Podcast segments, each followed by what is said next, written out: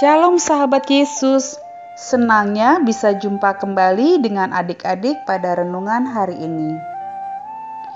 Tetap semangat dan sukacita ya adik-adik untuk berdoa dan membaca Alkitab. Renungan kita hari ini temanya Roh Kudus bekerja. Mari kita siapkan Alkitabnya.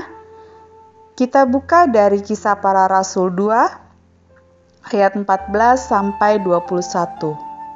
Kisah para Rasul 2 ayat 14 sampai 21.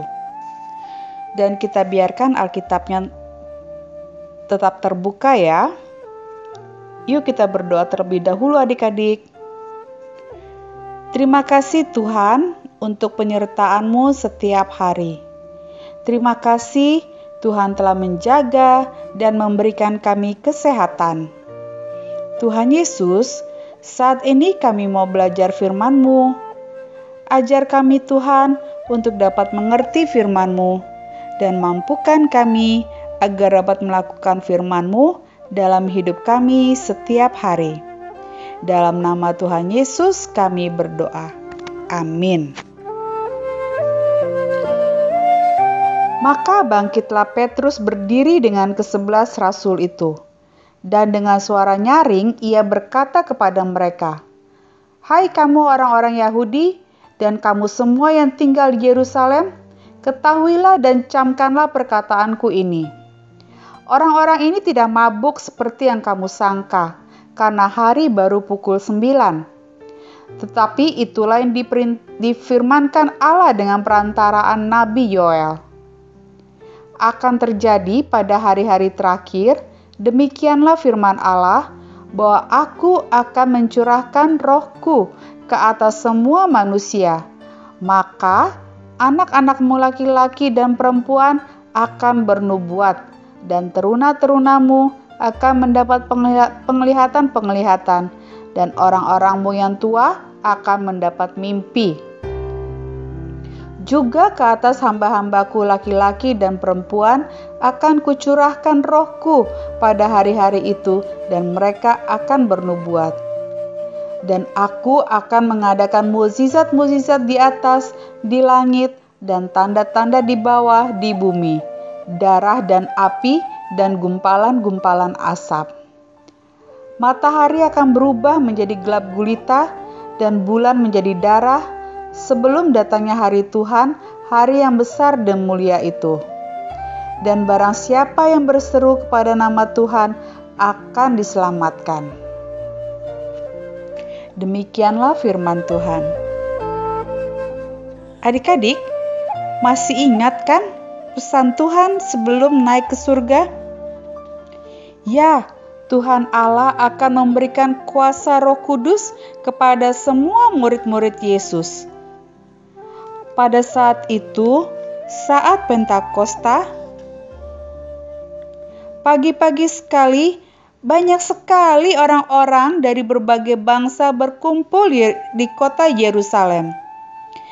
Ya, mereka tentunya berbicara satu sama lain dengan sesama bangsanya atau sukunya dengan bahasa mereka sendiri. Namun, mereka semua heran karena saat itu Petrus dan kesebelas rasul lainnya tiba-tiba bisa berbicara dengan bahasa mereka. Petrus dan para rasul menceritakan perbuatan-perbuatan besar yang dilakukan Allah. Padahal mereka tidak pernah belajar atau les bahasa bangsa lain loh. Saat itu dengan berani dan pede, Rasul Petrus dan kesebelas rasul lainnya berdiri dan tampil di tengah orang banyak. Mereka tidak mabuk karena, minggur, min, karena minum anggur, sehingga tiba-tiba mereka bisa berbicara dengan bahasa lain. Karena tidak ada orang yang mabuk jam 9 pagi saat semua orang bersiap melakukan aktivitas kan? Apakah adik-adik tahu mengapa Rasul Petrus dan kesebelas rasul lainnya menjadi sangat berani dan dapat mengerti bermacam-macam bahasa? Ya, itu karena pekerjaan Roh Kudus. Roh Kuduslah yang memberi kekuatan dan pengertian kepada murid-murid Yesus. Nah, adik-adik, begitu juga dengan kita. Roh Kudus akan memberikan kekuatan juga kepada kita semua. Adik-adik, Tuhan Yesus berjanji bahwa Roh Kudus akan selalu menyertai dan membimbing kita.